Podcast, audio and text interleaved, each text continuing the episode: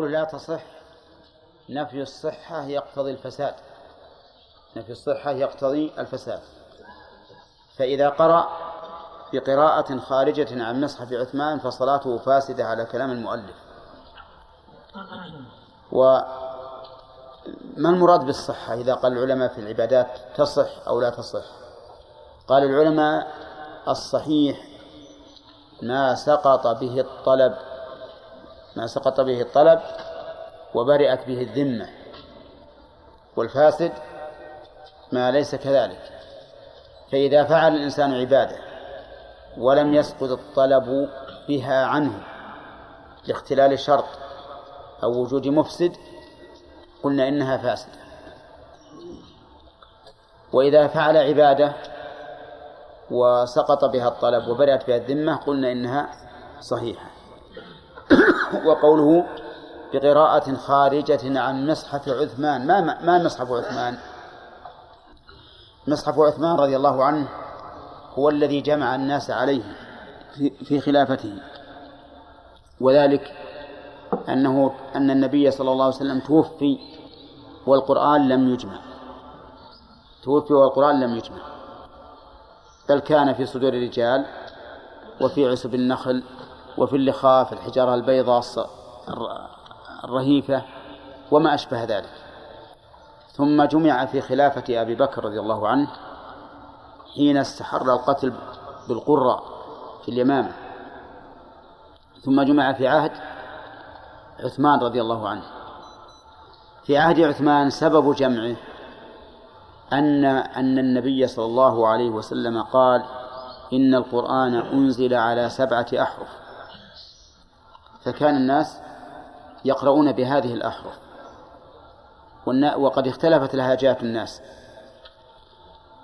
فصار فيه خلاف في الأجناد الذين يقاتلون في أطراف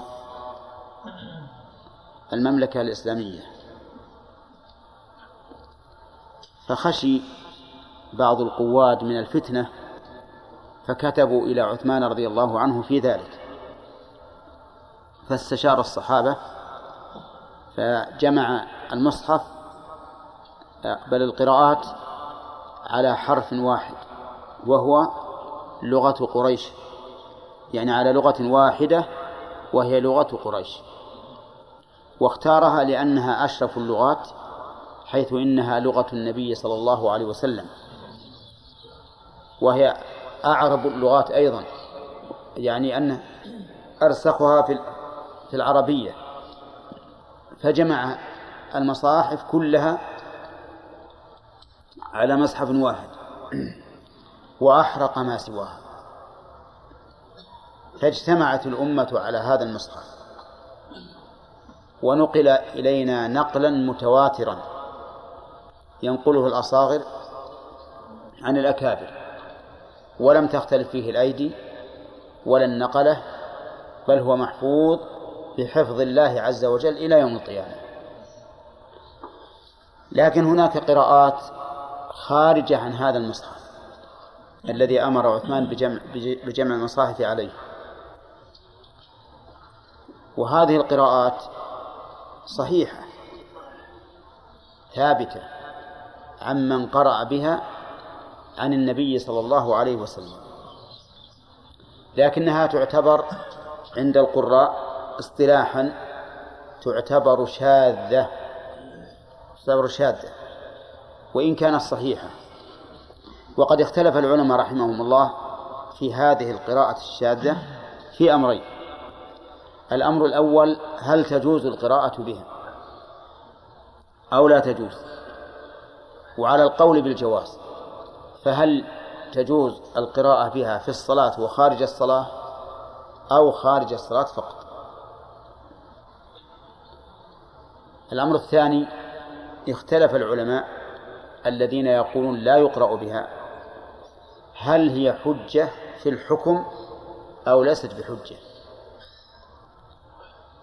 فمنهم من قال إنها ليست بحجة ومنهم من قال إنها حجة. وأصح هذه الأقوال أنه إذا صحت هذه القراءة عمن قرأ بها من الصحابة فإنها مرفوعة إلى رسول الله صلى الله عليه وسلم وتصح القراءة بها في الصلاة وخارج الصلاة. هذا هو الأصح أصح الأقاويل في هذا. لأنها إذا صحت موصولة إلى رسول الله صلى الله عليه وسلم فما المانع؟ نعم لا نقرأ بها أمام العامة. لأننا إذا قرأنا بها أمام العامة حصل بذلك فتنة. وحصل بذلك تشويش وحصل بذلك قلة اطمئنان إلى القرآن الكريم وقلة ثقة به. وهذا لا شك أنه مؤثر ربما على العقيدة فضلا عن العمل. لكن الكلام فيما بين الإنسان وبين نفسه أو فيما بينه وبين طلبة العلم الذين يفهمون حقيقة هذا الأمر. لا يقول قائل إذا صحت وصححتم الصلاة بها وصححتم القراءة بها وجعل وأثبتتم الأحكام بها. لا يقول قائل لماذا لا تقرؤونها على العامة؟ لأننا نقول إن هدي الصحابة رضي الله عنهم ألا تحدث الناس بحديث لا تبلغه عقولهم. كما في حديث علي رضي الله عنه حدث الناس بما يعرفون. أي بما يمكن أن يعرفوه ويهضموه وتبلغه عقولهم. أتريدون أن يكذب الله ورسوله؟ لأن العام إذا جاء أمر غريب عليه نفر على طول وكذب. قال هذا شيء محال. مستحيل. أنا لا أؤمن بهذا الشيء. ربما يقول هكذا مشكلة هذه. وقال ابن مسعود إنك لا تحدث قوما حديثا لا تبلغه عقولهم إلا كان لبعضهم فتنة. وصدق رضي الله عنه. فلهذا نحن لا نحدث العامة بشيء لا تبلغه عقولهم لئلا تحصل الفتنة. ويتضرر في عقيدته وفي عمله. ومن ذلك ما يكثر السؤال عنه من الطلبة وهو أنه ثبت عن النبي عليه الصلاة والسلام أنه لما قرأ قوله تعالى إن الله يأمركم أن تؤدوا الأمانات إلى أهلها وإذا حكمتم بين الناس أن تحكموا بالعدل إن الله نعم يعظكم به إن الله كان سميعا بصيرا أنه وضع إبهامه وسبابته على أذنه وعلى عينيه. فقال هل يجوز أن أفعل هذا؟ فجوابنا على هذا أن نقول لا تفعله أمام العامة. لأن العامة ربما ينتقلون بسرعة إلى اعتقاد المشابهة والمماثلة بخلاف طالب العلم. ثم هذا فعل من الرسول عليه الصلاة والسلام وليس أمرا. ما قال لنا ضعوا أصابعكم على أعينكم وآذانكم حتى نقول لا بد من تنفيذ أمر الرسول. هو فعل قصد به تحقيق هذا الأمر لا التعبد بذلك فيما, فيما يظهر لنا. فلماذا نلزم أنفسنا ونقول أو يعني نكرر السؤال عن مثل هذا من أجل أن نقوله أمام العامة فالحاصل أنه ينبغي لطالب العلم أن يكون معلما مربيا. والشيء الذي يخشى منه الفتنة وليس أمرا لازما لا بد منه. ينبغي للإنسان أن يتجنبه. طيب إذن يقول المؤلف رحمه الله لو قرأ بقراءة خارجة عن مصحف عثمان لم تصح الصلاة. مثال ذلك. قوله تعالى في آية كفارة اليمين.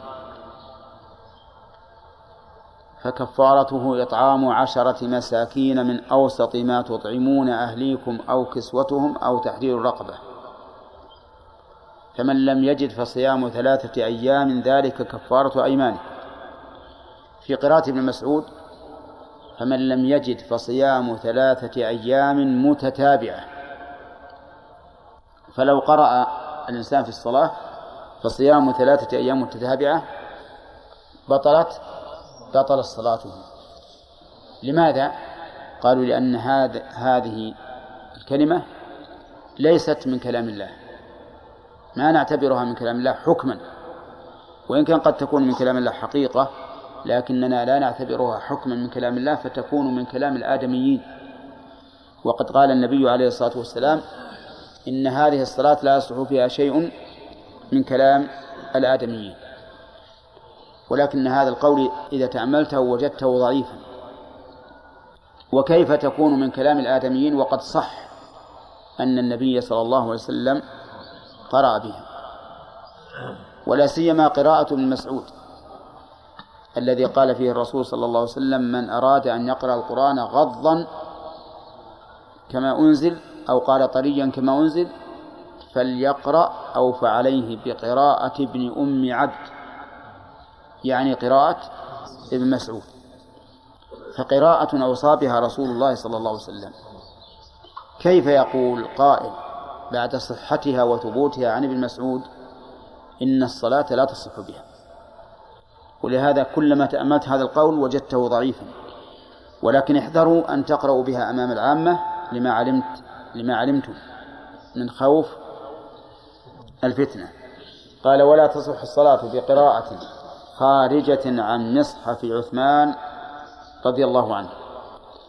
ثم يركع مكبرا. يعني بعد القراءة يركع مكبرا. وقوله ثم يركع نقول فيها مثل ما قلنا في ثم يقرأ بعد الفاتحة أنها للترتيب والتراخي. فينبغي قبل أن يركع أن يسكت سكوتا لكنه ليس سكوتا طويلا بل بقدر ما يرتد إليه نفسه. فإن ذلك قد جاء في حديث سمرة بن جندب رضي الله عنه. فيسكت بين بين القراءتين الفاتحة والسورة وبين القراءة والركوع. لكنه ليس سكوتا طويلا. بل سكوت بل سكوتا قصيرا. وقوله يركع الركوع هو الانحناء. الانحناء في الظهر. فيركع. وهذا الركوع المقصود به تعظيم الله عز وجل. فإن هذه الهيئة من هيئات التعظيم. ولذلك كان الناس يفعلونها أمام الملوك والكبراء والأسياد. ينحني ينحنون لهم. وربما يركعون وربما يسجدون والعياذ بالله. لكن الركوع هيئة تدل على تعظيم الراكع بين يدي من ركع له. ولهذا قال النبي عليه الصلاة والسلام أما الركوع فعظموا فيه الرب ليجتمع فيه التعظيم القولي والتعظيم الفعلي وقوله مكبرا حال من يركع. حال. مقارنة ولا غير مقارنة؟ مقارنة. يعني في حال هويه إلى الركوع يكبر. فلا يبدأ قبل ولا يؤخره حتى يصل إلى الركوع. أي يجب أن يكون التكبير فيما بين الانتقال والانتهاء. حتى قال الفقهاء رحمهم الله لو بدأ بالتكبير قبل أن يهوي أو أتمه بعد أن يصل إلى الركوع فإنه لا يجزئه. لأنهم يقولون إن هذا تكبير في الانتقال في الانتقال فمحله ما بين الركنين. فإن أدخله في الركن الأول لم يصح. وإن أدخله في الركن الثاني أيضا لم يصح لأنه مكان لا يشرع فيه هذا الذكر. فالقيام لا يشرع فيه التكبير والركوع لا يشرع فيه التكبير إنما التكبير بين القيام وبين الركوع. ولا شك أن هذا القول له وجهة من النظر لأن التكبير علامة على الانتقال فينبغي أن يكون في حال الانتقال ولكن القول بأنه إن كمله بعد وصول الركوع أو بدأ به قبل الانحناء مبطل للصلاة القول بأنها بأن ذلك مبطل للصلاة فيه مشقة على الناس. لأنك لو تأملت أحوال الناس اليوم لوجدت أكثر الناس لا يعملون بهذا. منهم من يكبر قبل أن يتحرك في الهوي ومنهم من يصل إلى الركوع قبل أن يكمل. والغريب أن بعض الجهال اجتهد اجتهادا خاطئا. وقال لا أكبر حتى أصل إلى الركوع. لا أكبر حتى أصل إلى الركوع. لماذا؟ قال لأنني لو كبرت قبل أن أصل إلى الركوع لسابقني المأمومون. يسابقونني. فيهون قبل أن أصل إلى الركوع وربما وصلوا إلى الركوع قبل أن أصل إليه. وهذا من من من غرائب الاجتهاد. أن تفسد عبادتك لتصحيح عبادة غيرك الذي الذي ليس مأمورا بأن يسابقك. يعني هو المخطئ. يعني لو قدر أن المأموم من حين ما سمع لفظ الله أكبر أهوى إلى الركوع. فهل هو مخطئ أو أنت المخطئ؟ ها؟ المخطئ المأموم. كيف أذهب إلى إلى شيء يرى بعض العلماء أن صلاتي تفسد به من أجل تصحيح خطأ إنسان هو المخطئ. ولهذا نقول هذا اجتهاد في غير محله ونسمي المجتهد هذا الاجتهاد إيش؟ جاهلا مركبا. لأنه جهل وجهل أنه جاهل. طيب. إذا نقول كبر من حين أن تهوي واحرص على أن ينتهي قبل أن تصل إلى الركوع. ولكن لو لو وصلت إلى الركوع قبل أن تنتهي فلا حرج عليك. والقول بأن الصلاة تفسد بذلك قول ضعيف ولا يمكن العمل به. قال ثم يركع مكبرا. نعم. ولا يمكن العمل به إلا بمشقة. ثم يركع مكبرا. رافعا يديه. رافعا يديه إلى حذو منكبيه أو إلى فروع أذنيه كما سبق عند تكبيرة الإحرام. ويرفع يديه إذا أراد أن يركع. ثم يضعهما على ركبتيه. ودليل ذلك حديث ابن عمر أن النبي صلى الله عليه وسلم كان يرفع يديه إذا كبر للركوع. والحديث ثابت في الصحيحين وغيرهما. يقول ويضعهما رافعا يديه ويضعهما على ركبتيه. سبق لنا بحث في هذه المسألة وهو إذا كان الإنسان لا يستطيع أن يرفعهما إلى الفروع أو إلى المنكبين فماذا يصنع؟ يرفعهما بقدر المستطاع المستطاع. وإذا كان لا يستطيع أن يرفعهما إلا فوق نعم مثل أن تكون يديه ما تتعكف ممدودة نقول يرفع ولو زاد. لقول الله تعالى فاتقوا الله فاتقوا الله ما استطعتم.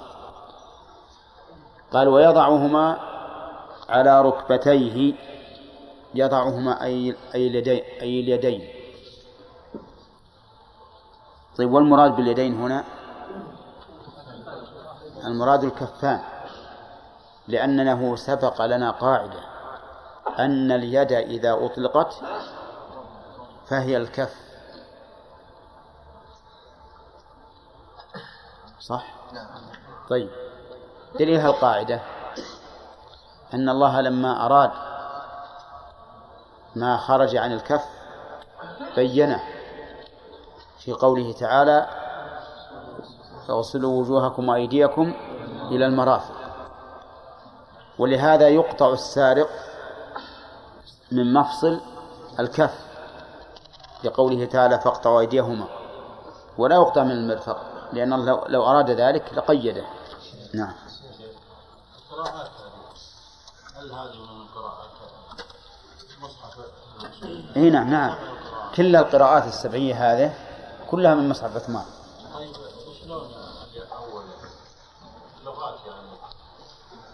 ما نعرف هذه اللغات ماتت. لما لما اقتصر الناس على المصحف هذا على لغة قريش ماتت اللغات الأخرى. ما نعلمها. إي لا. ما هو يعني ما هو بالرسول قرأ بها. لكن هم رخص لهم في ذلك. رخص لهم. فالآن مثلا اللهجات تجد لا فرق بين لهجة القصيم مثلا ولهجة الرياض أو الحجاز وما أشبه ذلك. نعم. إلا. لا لا أطول شوي عشان علشان يبدأ المأموم بالقراءة. نعم. وضع اليد اليمنى على اليسرى بالمفصل اختلاف بين بعض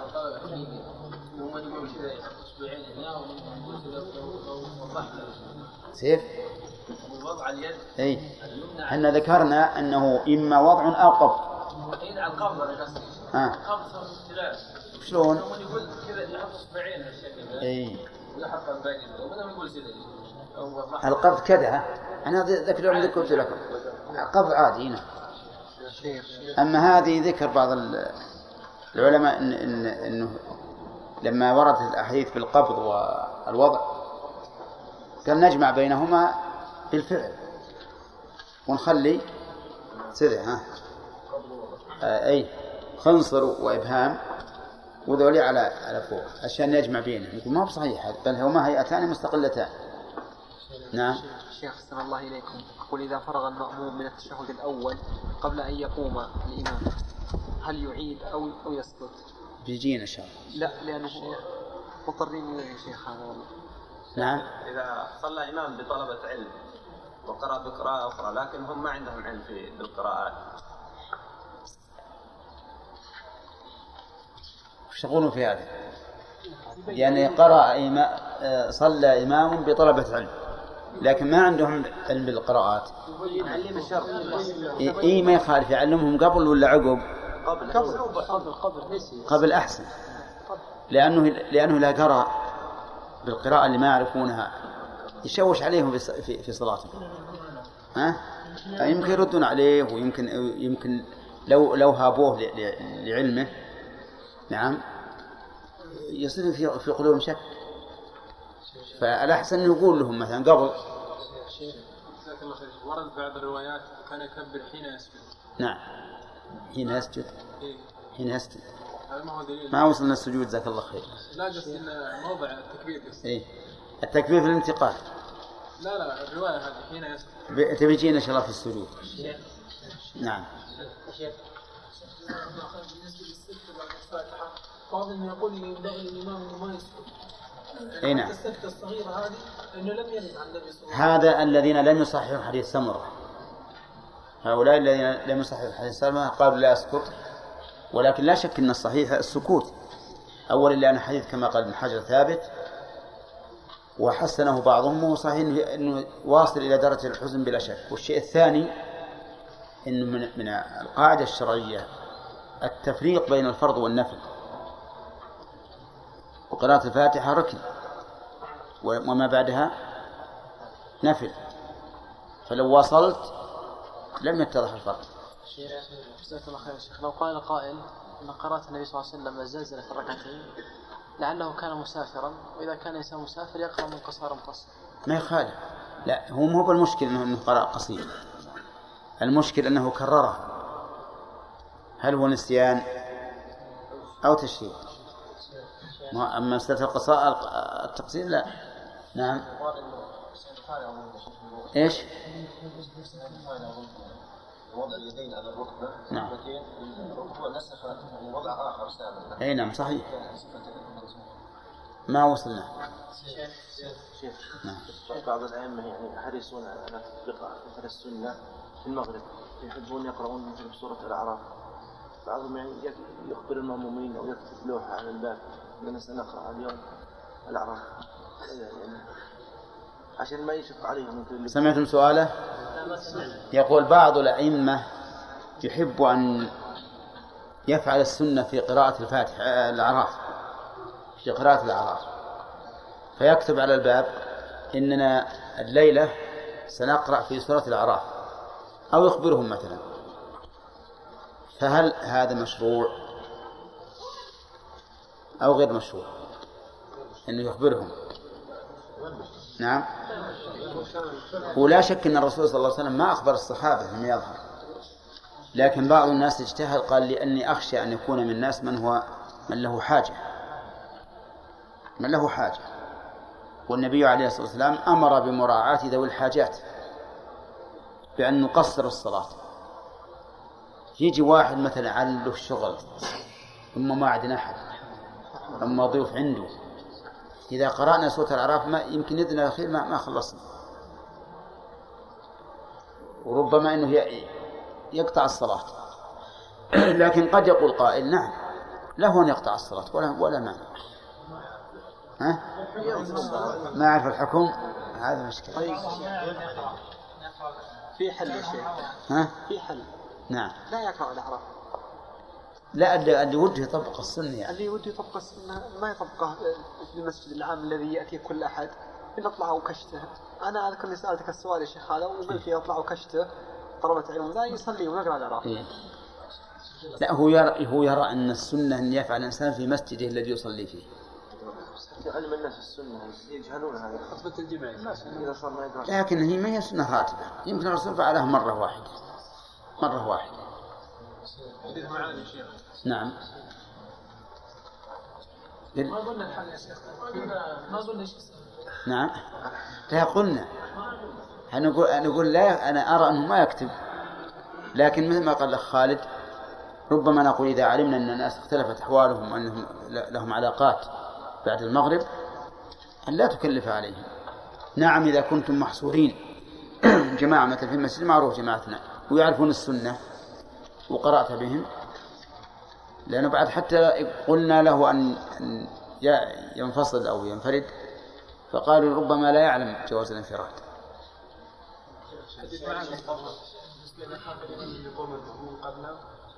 ساكتا حتى يعني جلس الاستراحة وبعد جلسة الاستراحة يكبر لا أنا أرى إذا كان الإمام يرى جلسة الاستراحة أنه من يوم يرفع من السجود يكبر علشان يشوفون المأمومين يجلسون. لأن السنة إذا كان الإمام يجلس استراحة تجلس. طيب هم يقوموا قبل إذا كبر جلس الاستراحة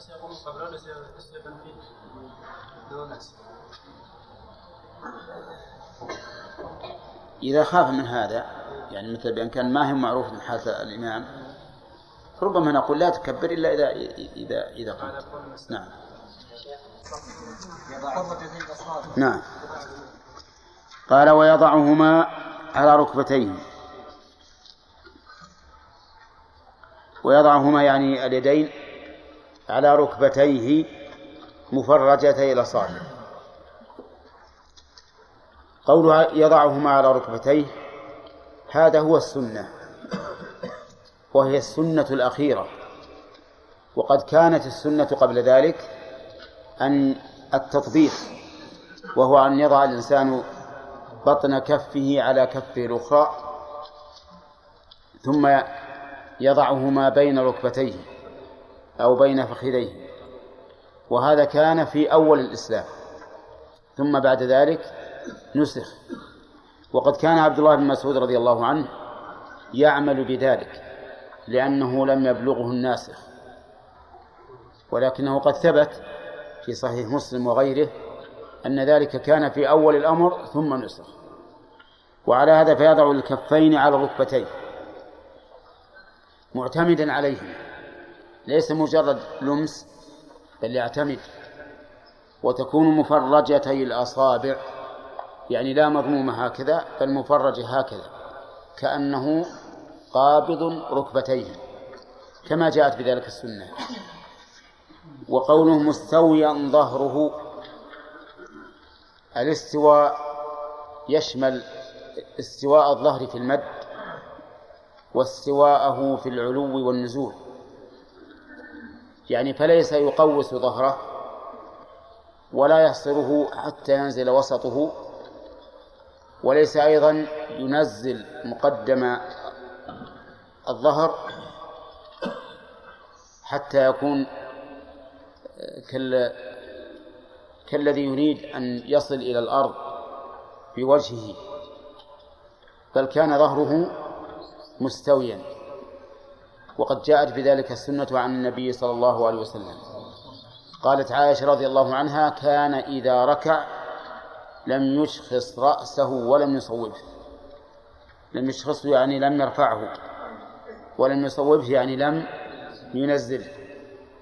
ولكن بين ذلك وجاء كذلك فيما رواه الإمام أحمد أن النبي صلى الله عليه وسلم كان يسوي ظهره. وجاء عنه أيضا أنه كان يسويه حتى لو صب عليه الماء لاستقر. وهذا يدل على كمال التسوية هذا بالنسبة للظهر. فيكون الظهر والرأس سواء. ويكون الظهر ممدودا مستويا. أما بالنسبة لليدين فعرفتم أنها أنهما توضعان على الركب مفرجتي الأصابع. وينبغي كذلك أيضا أن يفرج في يديه فيفرجهما عن جنبيه. ولكن هذا مشروط بما إذا لم يكن فيه أذية. فإن كان فيه أذية لمن كان إلى جانبه فإنه لا ينبغي للإنسان أن يفعل سنة يؤذي بها غيره. لأن الأذية فيها تشويش على المصلي إلى جنبك وتلبيس عليه ثم إنه يخشى أن يكون ذلك داخلا في قوله تعالى والذين يؤذون المؤمنين والمؤمنات بغير ما اكتسبوا فقد احتملوا بهتانا وإثما مبينا فإن هذا يشمل الأذى القولي والفعلي. على كل حال يفرج عن جنب عضديه عن جنبيه ما لم يؤذي جاره فإن أذاه فلا ينتهك حرمة المسلم من أجل فعل سنة. قال مفرجة الأصابع مستويا ظهره. و والواجب من هذا أن ينحني بحيث يكون إلى الركوع التام أقرب منه إلى الوقوف التام. يعني بحيث يعرف أن هذا الرجل راكع. وقيل الواجب أن ينحني بحيث يمكن من كان وسطا أن يمس ركبتيه بيديه. وهذا هو المشهور من المذهب. أن ينحني بحيث يمكن أن يمس ركبتيه بيديه إذا كان وسطا يعني إذا كانت يداه ليستا طويلتين ولا قصيرتين. لكن المعنى القول الأول أظهر وهو أن يكون إلى الركوع التام أقرب منه إلى الوقوف التام بحيث يعرف من يراه أنه قد حنى ظهره. يقول ويقول سبحان ربي العظيم. يقول متى؟ يقول في ركوعه. سبحان ربي العظيم. وسبحان اسم مصدر منصوب على المفعولية المطلقة دائما. محذوف العامل دائما أيضا. ومعنى التسبيح التنزيه. والذي ينزه الله عنه أمران. أحدهما النقص المطلق والثاني النقص في كماله. والثالث وقد يكون من الثاني مشابهة المخلوقين. فهذه ثلاثة أشياء ينزه الله عنها. النقص المطلق والثاني النقص في الكمال والثالث مشابهة المخلوقين. أما الأول فينزه عز وجل عن الجهل والعجز والضعف والموت والنوم وما أشبه ذلك. وأما الثاني فينزه عن النقص فيما يفعله عن عن التعب فيما يفعله عن التعب فيما يفعله كما في قوله تعالى ولقد خلقنا السماوات والأرض وما بينهما في ستة أيام وما مسنا من لغوب. فهو فالقدرة والخلق لا شك أنها كمال. لكن قد يعتريها النقص بالنسبة للمخلوق.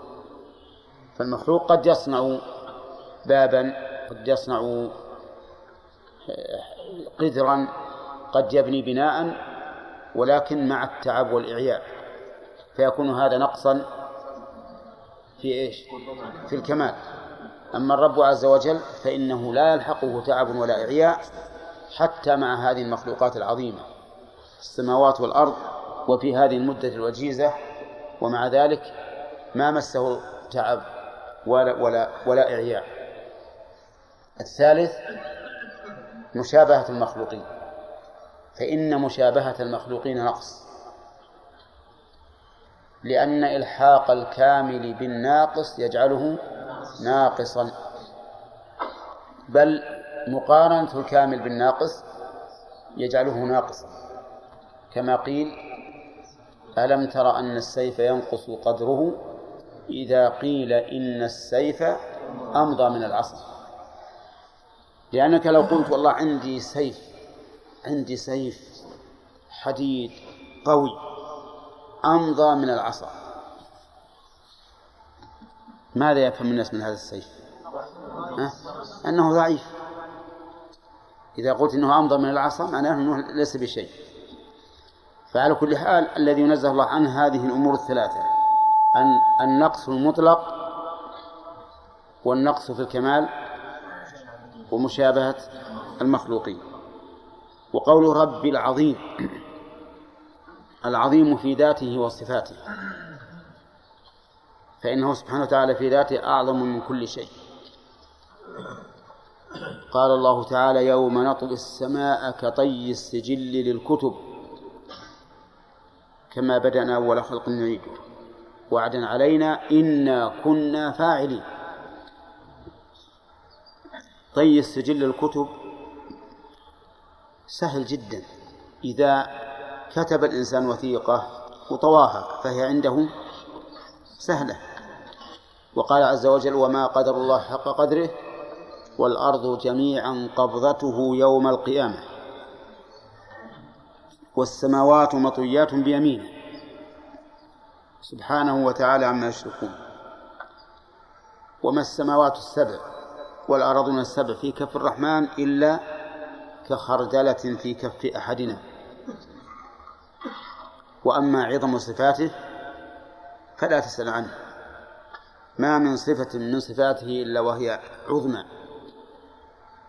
كما قال الله تعالى ولله المثل الأعلى وهو العزيز الحكيم. إذا أنت تنزه الله سبحانه وتعالى وتصفه بعد تنزيهه بأمرين كماليين كاملين وهما الربوبية والعظمة. فيجتمع من هذا الذكر التنزيه والتعظيم.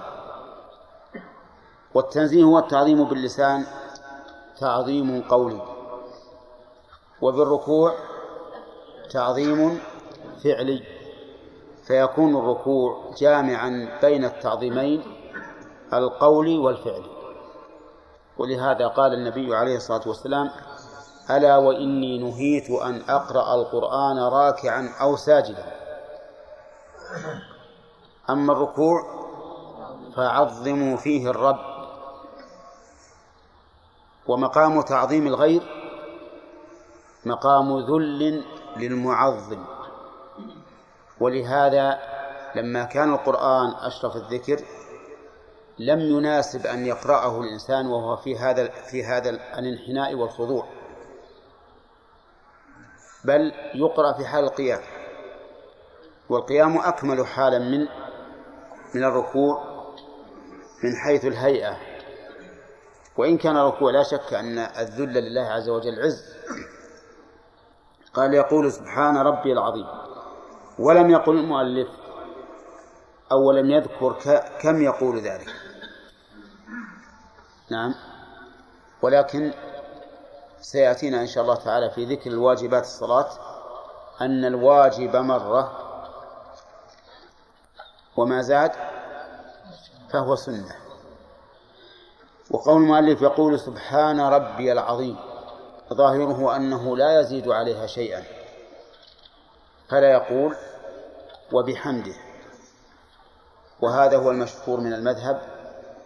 وهو أن الاقتصار على قول سبحان ربي العظيم أفضل من أن يزيد قوله وبحمده.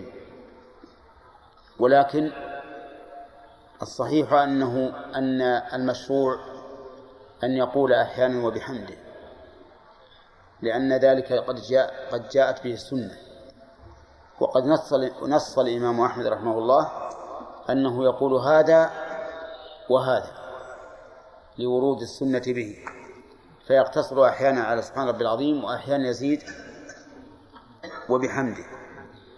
وظاهر كلامه أيضا أنه لا يقول ما صح به الحديث عن عائشة رضي الله عنها أن النبي صلى الله عليه وسلم كان يكثر أن يقول في ركوعه وسجوده سبحانك اللهم ربنا وبحمدك اللهم اغفر لي. ولكن السنة قول ذلك وأن يقول الإنسان هذا لأن النبي صلى الله عليه وسلم كان يقوله سبحانك اللهم ربنا وبحمدك اللهم اغفر لي. وكذلك أيضا ظاهر كلام المؤلف أنه لا يقول سبوح قدوس رب الملائكة والروح ولكن السنة قد جاءت به وصحت عن النبي صلى الله عليه وسلم. فعلى هذا يزيد سبوح قدوس رب الملائكة والروح. ولكن هل يقول هذه الزيادة الأخيرة دائما بالإضافة إلى سبحان رب العظيم وسبحانك اللهم ربنا وبحمدك أو أحيانا؟ هذا محل احتمال. وقد سبق لنا أن الاستفتاحات الواردة لا تقال جميعا. إنما يقال بعضها أحيانا وبعضها أحيانا. لكن أذكار الركوع المعروف عند عامة العلماء أنها تذكر جميعا تذكر جميعا. قال ويقول سبحان ربي العظيم ثم يرفع رأسه ثم يرفع رأسه.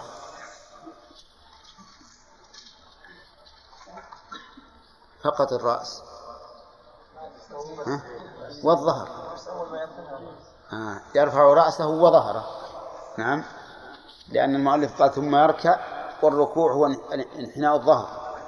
لكن مراده يرفع رأسه وظهره بلا شك. يرفع رأسه قائلا إمام ومنفرد. نعم يرفع رأسه ويديه. قائلا إمام ومنفرد إلى آخره. يرفع رأسه ويديه. الرفع من الركوع ركن. ولا بد منه لقول النبي صلى الله عليه وسلم للمسيء في صلاته ثم رفع حتى تطمئن قائما. وأما رفع اليدين فإنه سنة. إن فعله الإنسان فهو أفضل وإن تركه فصلاته صحيحة. هذا هو الذي عليه عامة أهل العلم. والرفع هنا سنة ثبتت في حديث ابن عمر رضي الله عنهما الثابت في الصحيحين وغيرهما أن النبي صلى الله عليه وسلم كان يرفع يديه إذا كبر الركوع وإذا رفع من الركوع إذا قال سمع الله لمن حمده. قال قائلا إمام ومنفرد ربنا ولك الحمد. قائلا نعم طيب. قائلا حال من ها؟ فاعل يرفع. حال من فاعل يرفع.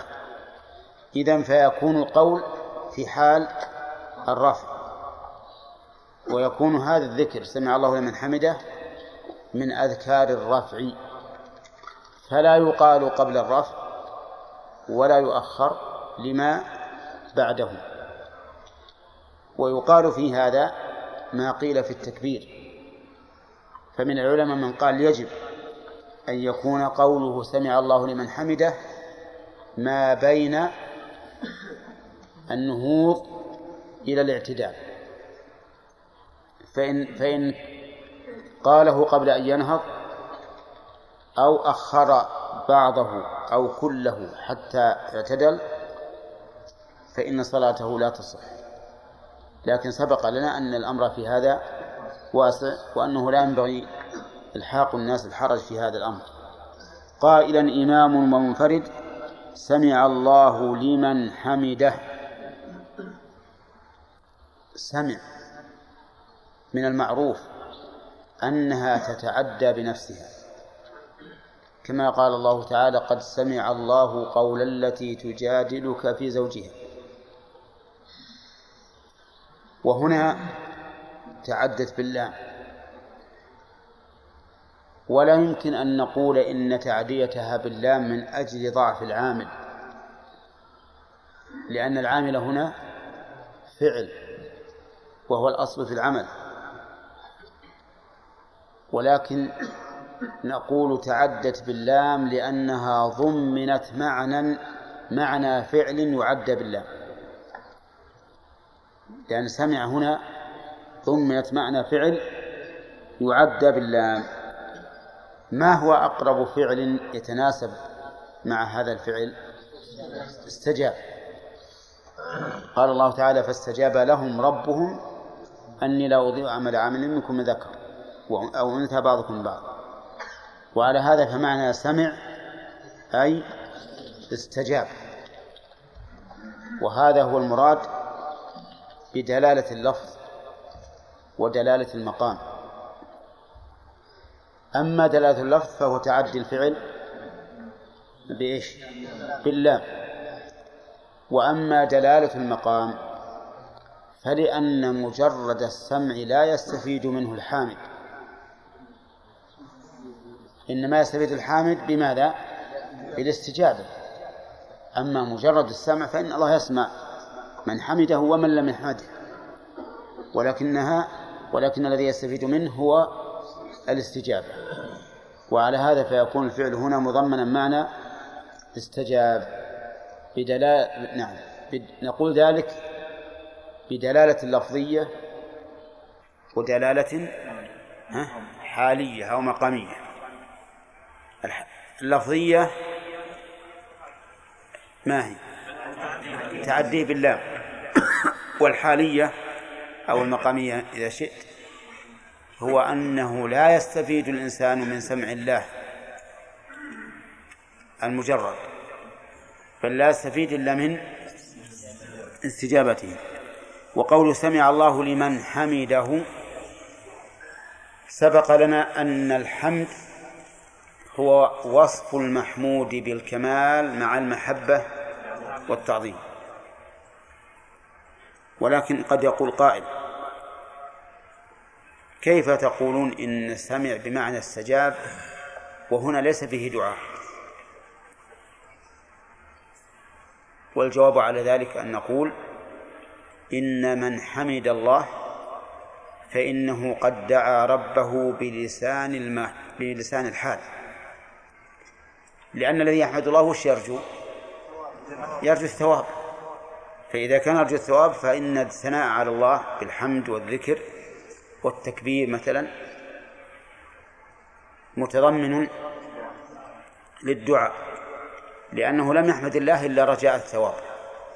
فإذا نقول سمع الله لمن حمده كيف تقول إن معناها استجاب؟ فنقول لأن الحامد إنما حمد الله رجاء لثوابه فيكون استجاب مناسبا تماما لذلك. قال سمع الله لمن حمده. لا بد أن يكون بهذا اللفظ. فلو قال استجاب الله لمن أثنى عليه. فهل يصح؟ لا يصح. لأن هذا ذكر واجب فيقتصر فيه على الوارد. ولا بد أن يكون على هذا الترتيب.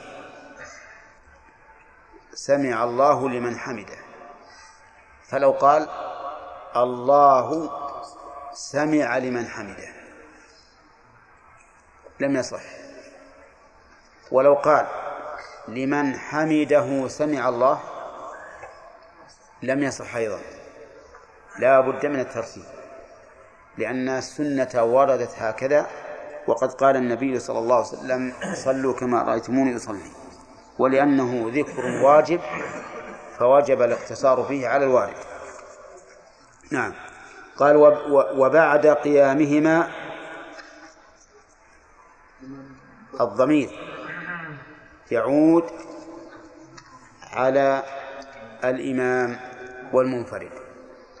بعد قيامهما يقولان ربنا ولك الحمد ملء السماء وملء الأرض وملء ما شئت من شيء بعد. يقول ربنا ولك الحمد. ولم يذكر المؤلف غير هذه الصيغة. فهل هذا يقتضي أن تكون هي الواجبة؟ يحتمل أن يكون هكذا. ويحتمل أن المؤلف اقتصر على هذه الصيغة طلبا للاختصار. وعلى كل فهذه الصيغة فيها أربع صفات. الصفة الأولى ربنا ولك الحمد. والصفة الثانية ربنا لك الحمد. والصفة الثالثة اللهم ربنا لك الحمد. والصفة الرابعة اللهم ربنا ولك الحمد. وكل واحدة من هذه الصفات مجزئة. ولكن الأفضل أن يقول هذا أحيانا وهذا أحيانا على القاعدة التي قررناها فيما سبق. من أن العبادات الواردة على وجوه متنوعة الأفضل فيها فعلها على هذه الوجوه. وذكرنا أن في ذلك ثلاث فوائد.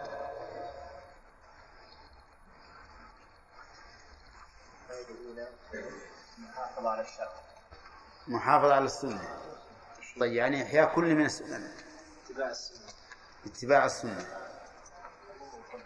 حضور القلب. لأن الإنسان إذا صار إذا صار مستمرا على صيغة واحدة صارت كأنها أوتوماتيكية. يقولها وهو لا يشعر. فإذا كان منتبها يغير يقول هذا أحيانا وهذا أحيانا صار ذلك أدعى لحضور القلب. شيبة؟ رفع الملل. عن الإنسان نعم. دفع ما عن الإنسان. وهذا في العبادات المتنوع المتنوعة قد يكون في غير هذا الموضع أيضا. نعم. سؤال؟ أي طيب. يلا حسين؟ شيخ نقل بعض الاخوان عندنا فتوى ان من ذكر هذه الأذكار. جملة ذكر أكثر من الأذكار هذه. في أحد اركان إيش؟ أن من؟ من ذكر هذه الأذكار المتنوعة. نعم.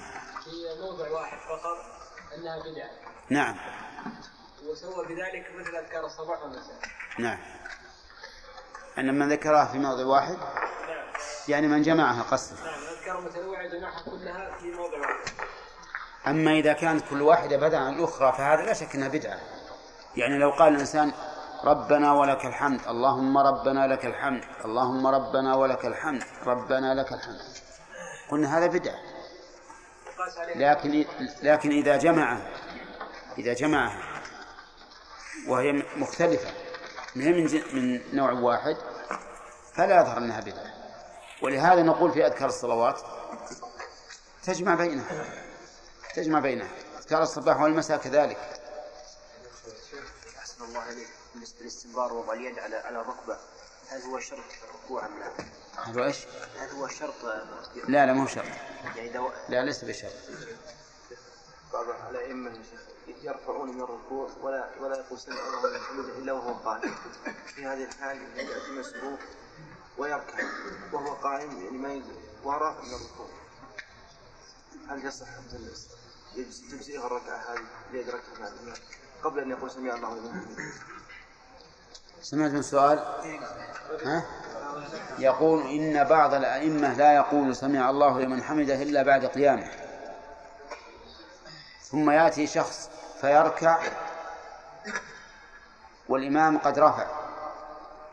يركع والإمام قد رفع. فهل يعتد بهذه الركعة؟ لأنه ركع قبل أن يقول الإمام سمع الله لمن حمده؟ أو لا يعتد بها لأنه لأن الإمام رفع من الركوع؟ الجواب لا يعتد بها. لا يعتد بها لا شك. لكن هذا من جهل الأئمة. وقد مر علينا أن بعضهم يقول أنا أؤخر التكبير أو التسميع لئلا يسبقني المأمومون. وسبق لنا بيان خطأ هذا الشخص. وهذا الذي ذكرت أيضا في خطأ آخر وهو أن أن بعض المسبوق المسبوقين يعتد بهذه الركعة مع أنها لا تجزئه نعم. قال سمع الله لمن حمده هل تبطل صلاته؟ يبي يجينا يا شيخ. يجينا. نعم. عبد الله بن مسعود يا شيخ كان يطبق في الركوع نعم. هل بلغه الناس النبي صلى الله عليه وسلم؟ لم يبلغ. الظاهر إنه ما بلغ قطع لو بلغه ما ما ما, ما بقي هكذا. شيخ أحسن الله إليكم. قلنا إن الثناء هو الدعاء ولذلك يقول استجاب. يعني سمع الله لمن حمده. الثناء متضمن للدعاء. متضمن للدعاء. نعم. نعم. نعم. لكن هو يقول سمع الله لمن حمده. نعم. ولم يقل اللهم لك الحمد. يعني لم لم يحمد الله. قال لمن حمده. نعم صح. إيه وين الحمد؟ يعني كل من حمد الله فالله يستجيب له. يعني هو لا يخبر عن نفسه. لا مو عن نفسه. ما قاسم مع الله لي يخبر بأن الله سبحانه وتعالى لفضله وكرمه كل من حمد استجاب له. الحمد لله رب العالمين والصلاة والسلام على نبينا محمد وعلى آله وصحبه أجمعين. قال المؤلف رحمه الله تعالى ومأموم في رفعه ربنا ولك الحمد فقط ثم يخر مكبرا ساجدا على سبعة أعضاء رجليه ثم ركبتيه ثم يديه ثم جبهته مع أنفه ولو مع حائل ليس من أعضاء سجوده. رب العالمين والصلاة والسلام على نبينا محمد وعلى آله وأصحابه أجمعين. أظن هذا وقفنا عليه. قال المؤلف رحمه الله تعالى ومأموم في رفعه ربنا ولك الحمد فقط. ها؟ ما ما شرح له؟ طيب. قال سمع الله لمن حمده. آه، معنى سمع يعني استجاب. كما فهمتم والحمد هو الثناء أو بل الحمد وصف المحمود بالكمال مع المحبة والتعظيم. فيقال حمد الشيء أو حمد فلانا يعني وصفه بصفات الكمال مع محبته وتعظيمه وأنه ذو احترام في قلبه. قال ابن القيم وبهذا يعرف الفرق بين الحمد والمدح فإن المدح وصف الممدوح بالكمال- بال- بالكمال أو بالصفات الحميدة لكن لا يلزم منه أن يكون محبا معظما. قد يمدحه من أجل أن ينال غرضا له. قد يمدحه من أجل أن يتقي شره. لكن الحمد لا يكون إلا مع محبة وتعظيم. وبهذا نعرف قوة سر اللغة العربية. حيث إن الحروف واحدة هنا. حمد ومدح الحروف فيها واحدة. لكن إذا اختلف ترتيب الحروف اختلف المعنى. فمدح مقلوب. ها؟ مقلوب حمد يعني مختلف في الترتيب. وإن كان ليس مقلوبا من كل وجه لكن لما اختلف ترتيب الحروف اختلف المعنى. المهم أن الحمد هو وصف المحمود بالكمال مع المحبة والتعظيم. وأما من عرف الحمد بأنه الثناء بالجميل الاختياري فهذا قاصر أولا لأن الثناء أخص من المدح لأن الثناء هو مدح مكرر. كما جاء في الحديث الصحيح أن الله أن الإنسان إذا قال الحمد لله رب العالمين قال الله حمدني عبدي فإذا قال الرحمن الرحيم قال الله أثنى علي عبدي. ففرق الله سبحانه وتعالى بين الحمد والثناء. ثانيا أنه بالجميل الاختياري يخرج الحمد على كمال الصفات اللازمة التي لا تتعدى كالعظمة والكبرياء وما أشبه ذلك. والله تعالى محمود على صفات الكمال اللازمة وصفات الكمال المتعدية. فهو محمود على كماله كماله ومحمود على إحسانه سبحانه وتعالى.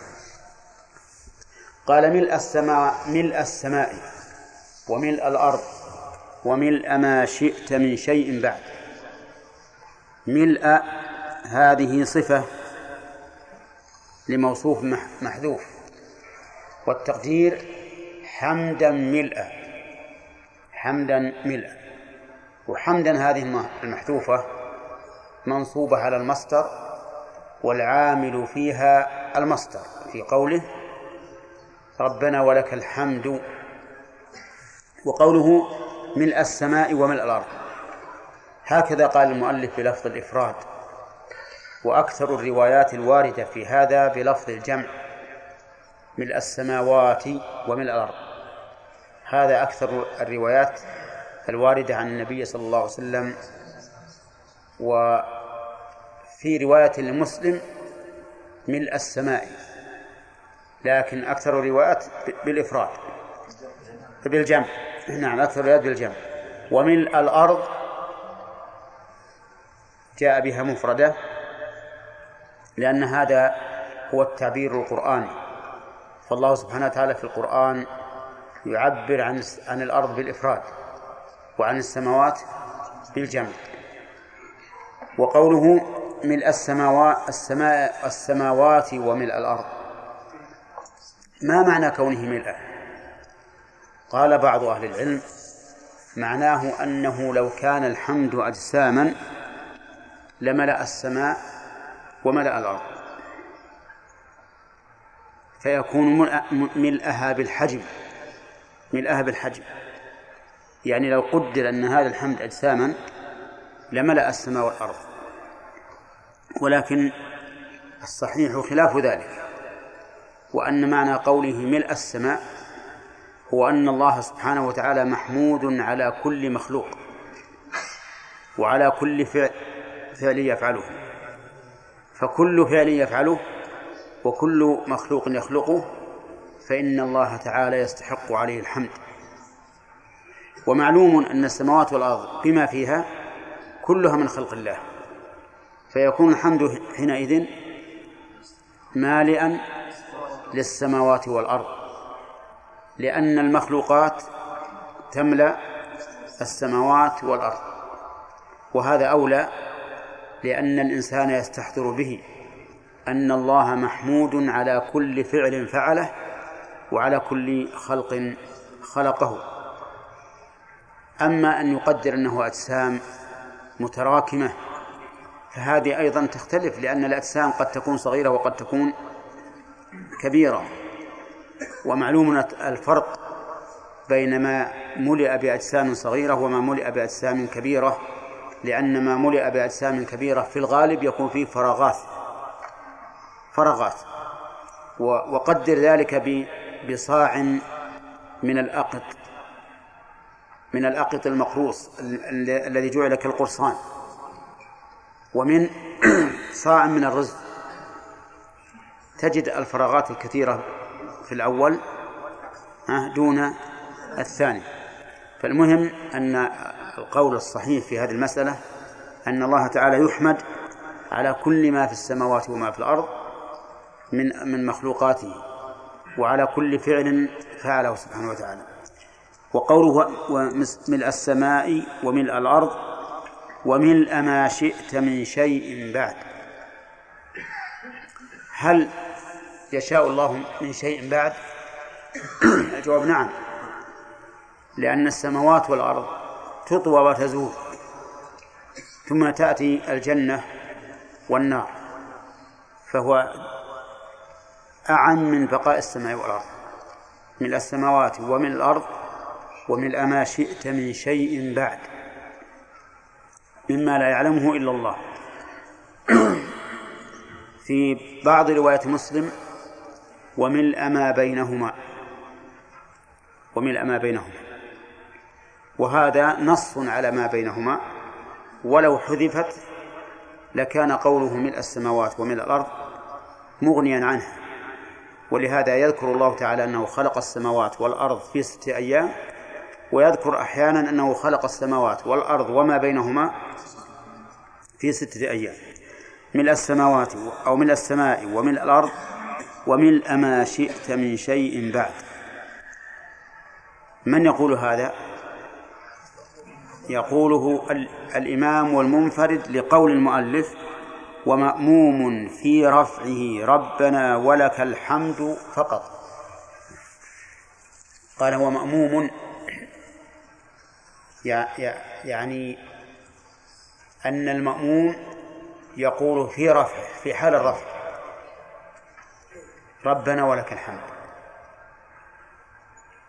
أما الإمام والمنفرد فيقول في رفعه سمع الله لمن حمده. إذن المأموم يقول في رفعه ربنا ولك الحمد. قال فقط هذه بمعنى فحسب يعني لا يزيد على ذلك. لا يزيد على ذلك. فيقتصر على هذا ويقف ساكتا. الدليل الدليل قوله صلى الله عليه وسلم إذا قال الإمام سمع الله لمن حمده فقولوا ربنا ولك الحمد. ولكن عند التأمل نجد أن هذا القول ضعيف وأن المأموم ينبغي أن يقول كما يقول الإمام والمنفرد يعني يقول بعد رفعه ربنا ولك الحمد ملء السماوات وملء الأرض وملء ما بينهما وملء ما شئت من شيء بعد. وذلك لأن النبي صلى الله عليه وسلم قال إذا قال الإمام سمع الله لمن حمده فقولوا ربنا ولك الحمد. فجعل قول المأموم ربنا ولك الحمد معادلا لقول الإمام سمع الله لمن حمده. والإمام يقول سمع الله لمن حمده في حال الرفع. فيكون المأموم في حال الرفع يقول ربنا ولك الحمد. أما بعد القيام فيقول ملء السماوات إلى آخره لقوله صلى الله عليه وسلم صلوا كما رأيتموني أصلي. فهذا هو القول الراجح في هذه المسألة أن المأموم يقول كما يقول الإمام والمنفرد بعد رفعهما. وعرفتم وجه وجه ترجيح. إذا يترجح بأمرين الأمر الأول أن النبي صلى الله عليه وسلم جعل قول المأموم ربنا ولك الحمد بإزاء قول الإمام سمع الله لمن حمده. وهذا حين الرفع الوجه الثاني قوله صلى الله عليه وسلم صلوا كما رأيتموني أصلي. فإن هذا يشمل المأموم كما يشمل الإمام والمنفرد. وعلم من كلام المؤلف أن المأموم لا يقول سمع الله لمن حمده. وهو كذلك. فإذا قال قائل ما الجواب عن قوله صلى الله عليه وسلم صلوا كما رأيتموني يصلي وقد كان يقول سمع الله لمن حمده؟ فالجواب على هذا سهل وهو أن قوله صلوا كما رأيتموني أصلي عام. وإذا قال سمع الله لمن حمده فقول ربنا ولك الحمد. هذا خاص. والخاص يقضي على العام. فيكون المأموم مستثنى من هذا العموم بالنسبة لقول سمع الله لمن حمده. فإنه يقول ربنا ولك الحمد فقط. وظاهر كلام المؤلف أنه لا يزيد على هذا الذكر الواجب بعد القيام من الرفع بعد القيام من الركوع. ولكن الصحيح أنه أنه يزيد ما جاءت به السنة. مثل أهل الثناء والمجد أحق ما قال العبد وكلنا لك عبد لا مانع لما أعطيت ولا معطي لما منعت ولا ينفع ذا الجد منك الجد. وعلى هذا فالظاهر أن المؤلف حذف هذه الجملة اقتصارا. أو اختصارا. ها؟ وفي الحقيقة في احتمال. في احتمال أن يكون اقتصارا أو اختصارا. إن كان اختصارا فالمعنى أن المؤلف اقتصر على بعض الذكر الوارد. وإذا كان اقتصارا فالمعنى أن المؤلف يرى أن لا يقال سواه. يعني يقتصر على هذا. ولكن الذي يظهر أنه اقتصار أنه حذفها اقتصارا لأن المقام مقام ذكر والذكر ينبغي أن يذكر كل ما ورد فيه إلا أن يدعي مدع أن المؤلف. يرى أنه أن هذا الكتاب مختصر فاختصر. على كل حال لا يهمنا ما أراده المؤلف الذي يهمنا أن السنة أن يقول الإنسان ما ورد في هذا. مما زاد على كلام المؤلف. قال ومأموم في رفعه ربنا ولك الحمد فقط. ولم يذكر المؤلف رحمه الله ماذا يصنع بيديه بعد الرفع من الركوع. هل يعيدهما على ما كانت عليه قبل الركوع؟ فيضع يده اليمنى على كف على ذراعه اليسرى أو يرسلهما؟ فالمنصوص عن الإمام أحمد رحمه الله أن الإنسان يخير بين إرسالهما وبين وضع اليد اليمنى على ذراع اليسرى. وكأن الإمام أحمد رحمه الله رأى ذلك لأنه ليس في السنة ما هو صريح في هذا. فقال الإنسان مخير وهذا كما يقول بعض العلماء في مثل هذه المسألة الأمر في ذلك واسع. إن شاء أرسل وإن شاء وضع. ولكن الذي يظهر من السنة أن السنة هو وضع اليد اليمنى على ذراع اليسرى. لعموم حديث سهل بن سعد الثابت في البخاري كان الناس يؤمرون أن يضع الرجل يده اليمنى على ذراعه اليسرى في الصلاة. فإنك إذا أخذت بعموم هذا الحديث في الصلاة ولم يقل في في القيام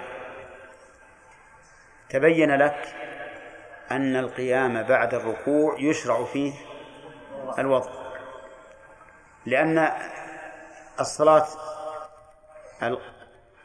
اليدان فيها حال الركوع تكون على الركبتين وفي حال السجود على الأرض. وفي حال الجلوس على الفخذين؟ وش بقي؟ حال القيام. حال القيام يشمل ما قبل الركوع وما بعد الركوع فيضع الإنسان يده اليمنى على ذراعه اليسرى. وهذا هو الصحيح. نعم.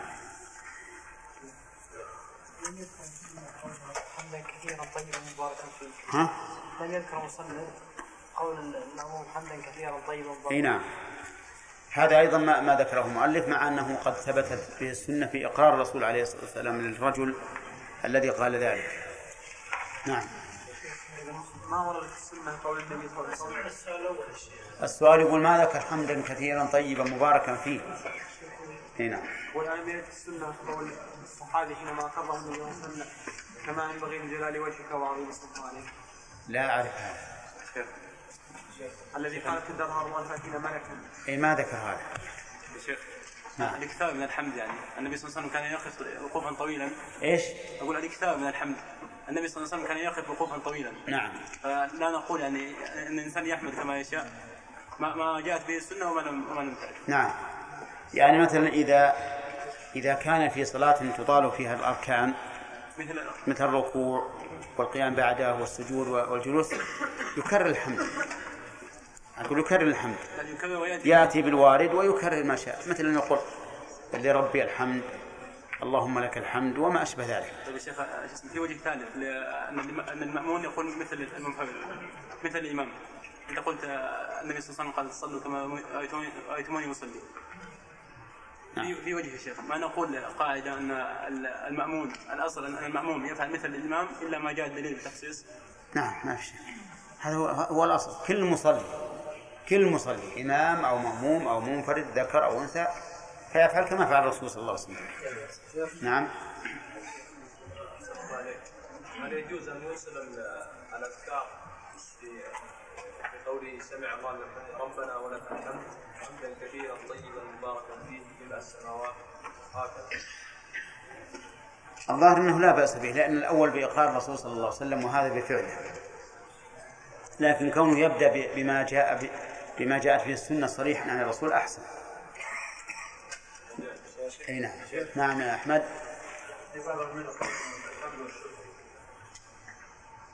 هي هذه من الزيادات التي لا تنبغي. يغ... نعم. لأنه يقال أن الألفاظ الواردة في الأذكار ينبغي المحافظة عليها.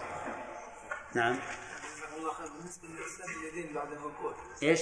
إرسال اليدين بعد الركوع. نعم. إن شاهدنا رجل يرسل يديه. هل نقول له انك أنت خالفت السنة أو نقول له على الساعة. والأمر أما على على مذهب الإمام أحمد فالأمر على السعة ما نقول له شيء لا نقول ضع ولا لا تضع ولا أرسل. لكن على ما رجحناه ينبغي أن أن ندله.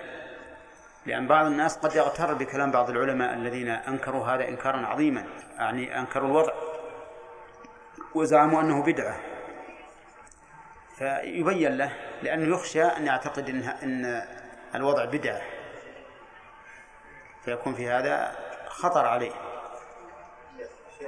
نعم. جاء في سنن دار قطني من حديث أبي هريرة رضي الله عنه وأرضاه أنه قال كنا إذا قال النبي عليه الصلاة والسلام سمع الله لمن حمده قلنا سمع الله لمن حمده ربنا ولك الحمد. نعم. فماذا يجاب عنه؟ يجب بأن هذا اجتهاد منهم مخالف لأمر الرسول عليه الصلاة والسلام. لأن الرسول قال إذا قال سمع الله لمن حمده فقولوا ربنا ولك الحمد مع أن الإمام يقول ربنا ولك الحمد بالاتفاق. لكن هو يقول يا شيخ كنا يعني إيه هذا هذا مثل قول ابن مسعود رضي الله عنه كنا نقول بعد موت الرسول السلام على النبي. بعد قوله السلام عليك أيها النبي. بدل قوله السلام عليك أيها النبي. ولا شك أن هذا من فعل ابن مسعود رضي الله عنه ليس عن عن جميع الصحابة. لأن عمر بن الخطاب خطب على المنبر على منبر الرسول وأمر بالتشهد وقال قولوا السلام عليك أيها النبي ورحمة الله وبركاته. صريح؟ إي نعم. نعم.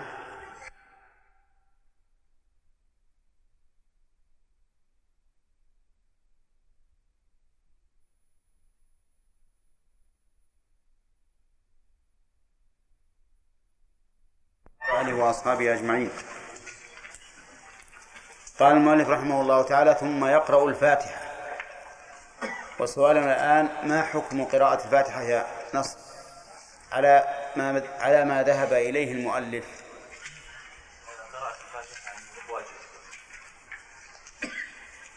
من أي نوع من أنواع الواجبات؟ الواجب يجب على صاحب أي فعل هذا تعريف الواجب. الواجب الذي من أي أنواع الواجبات؟ في أنواع الواجبات؟ لأن الواجبات لها أنواع. الواجبات في الصلاة التي يجب تحققها في الصلاة أنواع. هذه من الأشياء التي يجب تحقق الصلاة. ما زين نعم. الركن. من الأركان. صح. من الأركان. لأن فيها نصر. واجب وركن وشرط. وكلها يصدق عليها اسم واجب لكنها أنواع. يلا خالد. هي ركن من أركان الصلاة على كل مصل على ما ذهب إليه المؤلف. ها. على المأموم والإمام. على- على المنفرد والإمام. أما المأموم فلا. إذا ركن في حق الإمام والمنفرد دون المأموم. كيف نستخرج هذا من كلام المؤلف؟ نعم.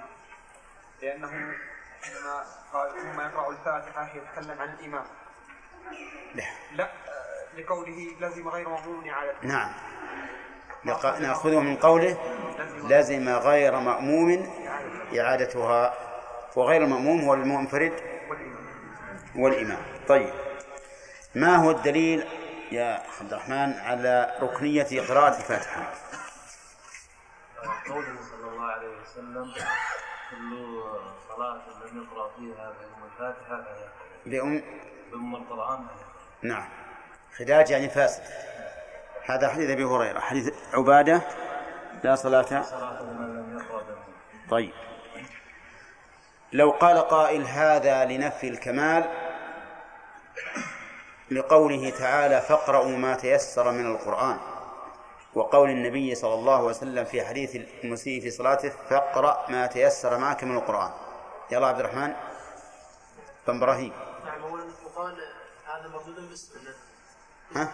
ويقال هذا مردود من وجهين نعم. الأول قوله صلى الله عليه وسلم لا تجزئ صلاة لا يقرأ فيها بيوم نعم. القرآن الثاني أن النفي إذا أطلق فإنه يعني ينصرف إلى نفي الصحة. فإن لم يمكن على ذلك فعلى نفي على نفي الوجود فإن لم يمكن فعلى نفي الصحة فإن لم يمكن فعلى نفي طيب. وهنا أمكن نفيه حمله على لا يمكن حمله على نفي يعني على الوجود فيعني يكون لأنه قد يصلي بلا فاتحة. نعم. فيحمل يعني في الصحة ولا ينتقل عنه إلا دليل هو يقول عندي دليل. اقرأوا ما تيسر من القرآن هذا في القرآن. فاقرأ ما تيسر معك من القرآن هذا في السنة. نعم قل أن. لا صلاة لا يقرأ فيها طيب. نعم. فوزي. أن الآية الحديث هذا عام. نعم. وحديث عباد بن الصامت يخصص الفاتحة فقط أي. نعم. نجيب عنه بهذا. نجيب عنه بأن هذا عام وهذا خاص. ثم نقول أيضا ما أشار إليه الأخ عبد الرحمن لا تجزئ صلاة. وحديث أبي هريرة فهي خداج يعني فاسدة. الخداج الشيء الفاسد.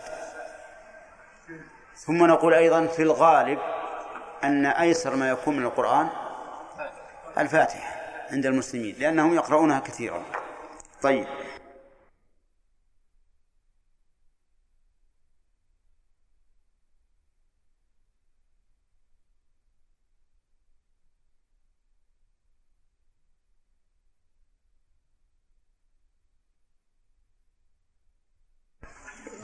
الحمد لله والصلاة والسلام على رسول الله قال المؤلف رحمه الله تعالى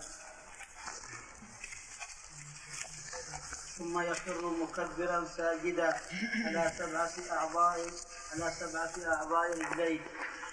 على؟ سبعة أعضاء رجليه ثم ركبتيه ثم يديه ثم جبهته مع أنفه.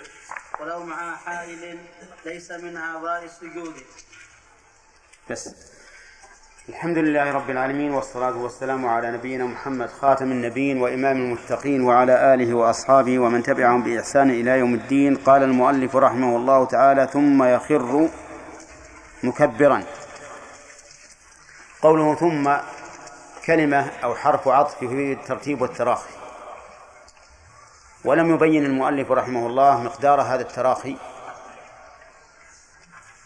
ولكنه قد دلت السنة من حديث البراء بن عازب وغيره على أن هذا القيام أي أن أعني الاعتدال بعد الركوع يكون بمقدار الركوع تقريبا.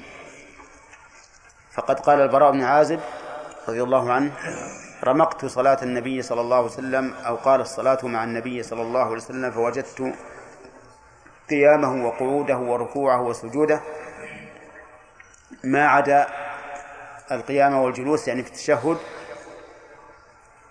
قريبا من السواء. قريبا من السواء.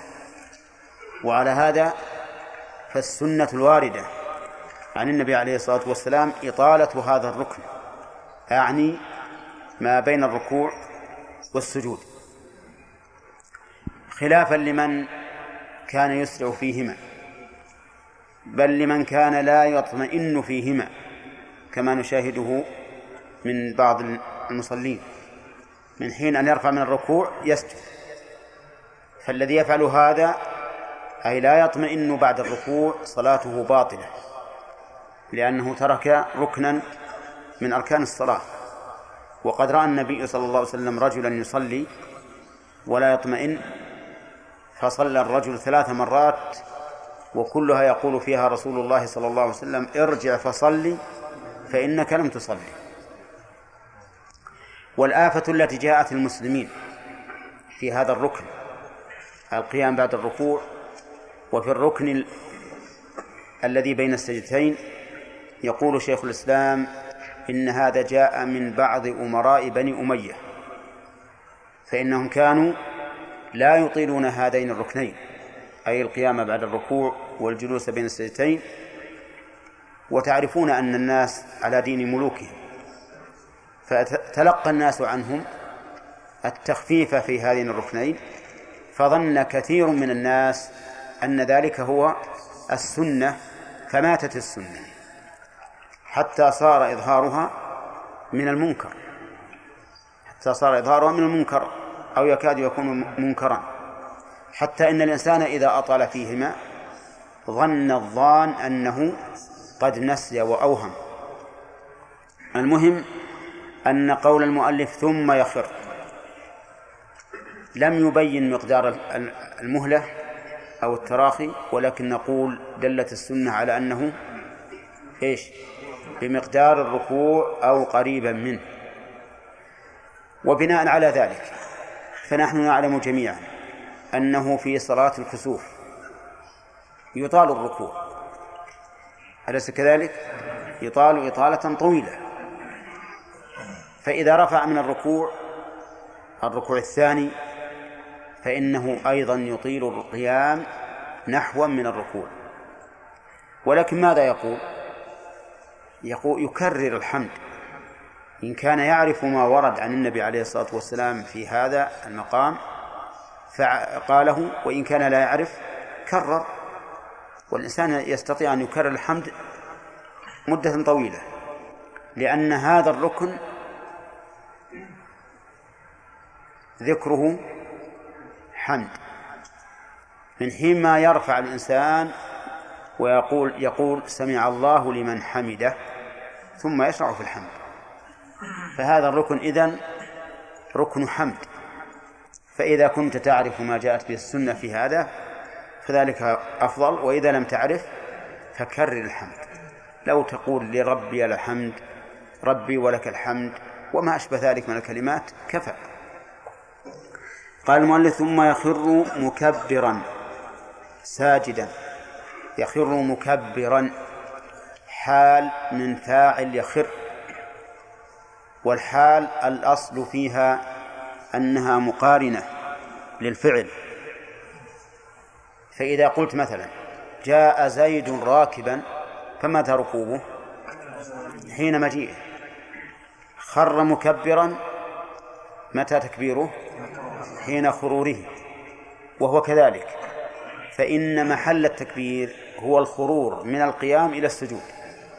وكذلك جميع تكبيرات الانتقال محلها ما بين الركن الذي انتقلت منه وبين الركن الذي انتقلت إليه. وقد سبق لنا البحث في هذا فلا حاجة إلى إعادته. المهم أنك تكبر في حال الخرور إلى السجود. ولم يذكر المؤلف رحمه الله رفع اليدين. فهل هذا من باب الاختصار أو الاقتصار أو العمد؟ الجواب الثالث من باب العمد لأن رفع اليدين عند السجود ليس بسنة.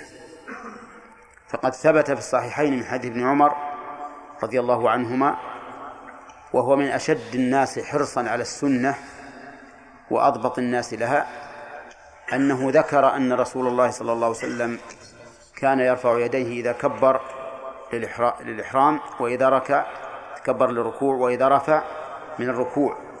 قال وكان لا يفعل ذلك في السجود ولا في ولا إذا قام من السجود. والرجل قد ضبط وفصل وبين وليس هذا من باب النفي المجرد هذا نفي يدل على إثبات ترك الفعل لأن الرجل قد تحرى الصلاة وضبط تكبير عند الدخول في الصلاة عند الركوع عند الرفع منه عند السجود عند القيام من السجود. هذه هذه محلات الانتقالات فأثبت التكبير في ثلاثة مواضع ونفاها في في السجود وعند القيام من السجود. نعم. عند إيش الرفع. لا أنا أقول هذه التكبيرات اللي أثبتها. على كل حال الرفع. نحن نتكلم عن الرفع. وعلى هذا فليس من السنة أنه يرفع يديه إذا سجد. وقد روي عن النبي عليه الصلاة والسلام أنه كان يكبر أو كان يرفع في كل خفض ورفع ولكن الحافظ بن حجر ابن ابن القيم رحمه الله ذكر أن هذا وهم وأن صواب الحديث كان يكبر في كل خفض ورفع. وقال إن وجه الوهم فيه حديث ابن عمر فإنه صريح في عدم الرفع. عند السجود وعند الرفع من السجود. وليس هذا من باب تعارض مثبت ومنفي. حتى نقول بالقاعدة المشهورة إن المثبت مقدم على النافي لأن النفي هنا في قوة الإثبات فإنه رجل يحكي عن عمل واحد فصله قال هذا فيه كذا وأثبته وهذا ليس فيه كذا ونفاه. وفرق بين النفي المطلق وبين النفي المقرون بالتفصيل. فإن النفي المقرون بالتفصيل دليل على أن صاحبه قد ضبط ضبط حتى وصل إلى هذه الحال. عرف ما ما ثبت فيه الرفع وما لم يثبت فيه الرفع وعلى هذا فنقول إن حديث ابن عمر الثابت في الصحيحين مقدم على ذلك الحديث الضعيف والوهم فيه قريب. وعلى هذا فإذا قال قائل ما الفرق بين الهوي إلى الركوع والهوي إلى السجود؟ أليس كل منهما انتقال أو أليس كل منهما انتقالا من أعلى إلى أسفل؟ الجواب بلى. ولكن ولكن العبادات مبنية على التوقيف فلا قياس فيها. ولو دخل القياس في مثل هذه الأمور في صفات العبادات وما أشبهها لضاعت لضاع انضباط الناس. ولصار كل إنسان يقيس على ما يريد أو على ما يظن أن القياس فيه تام الأركان وتضيع ويضيع الاتفاق بين الأمة في عباداتهم التي يتقربون بها إلى الله عز وجل. يقول المؤلف رحمه الله ثم يخر مكبرا ساجدا على سبعة أعظم. ساجدا. حال منين ها؟ من فاعل يخر. ولكنها حال مقارنة ولا حال يعني لاحقة؟ لاحقة. لأن هذه الحال عن السجود لا تكون في حال الخضوع ولكنها تكون بعد انتهاء الخروج فهي حال لاحقة مقدرة. يقول ساجدا على سبعة أعضاء. ساجدا. لا بد أن يكون ساجدا. والسجود بحيث تتساوى أطرافه العليا والسفلى. فلو فرض أنه سجد على شيء مرتفع هكذا منزلق وصار إلى القعود أقرب منه إلى السجود. فإن ذلك لا يعد سجودا. لا بد من تساوي الأعالي والأسافل. أو على الأقل نقول أن يكون إلى الساجد إلى السجود التام أقرب منه إلى الجلوس التام فيما لو كانت الأرض متصاعدة. يقول ساجدا على سبعة أعضاء. سبعة أعضاء وبينها قال رجليه ثم ركبتيه ثم يديه ثم جبهته مع أنفه. كم هذه؟ سبعة. نعد زين. رجليه ثم ركبتيه أربعة. ثم ها؟ ثم يديه. ستة. ثم جبهته مع أنفه.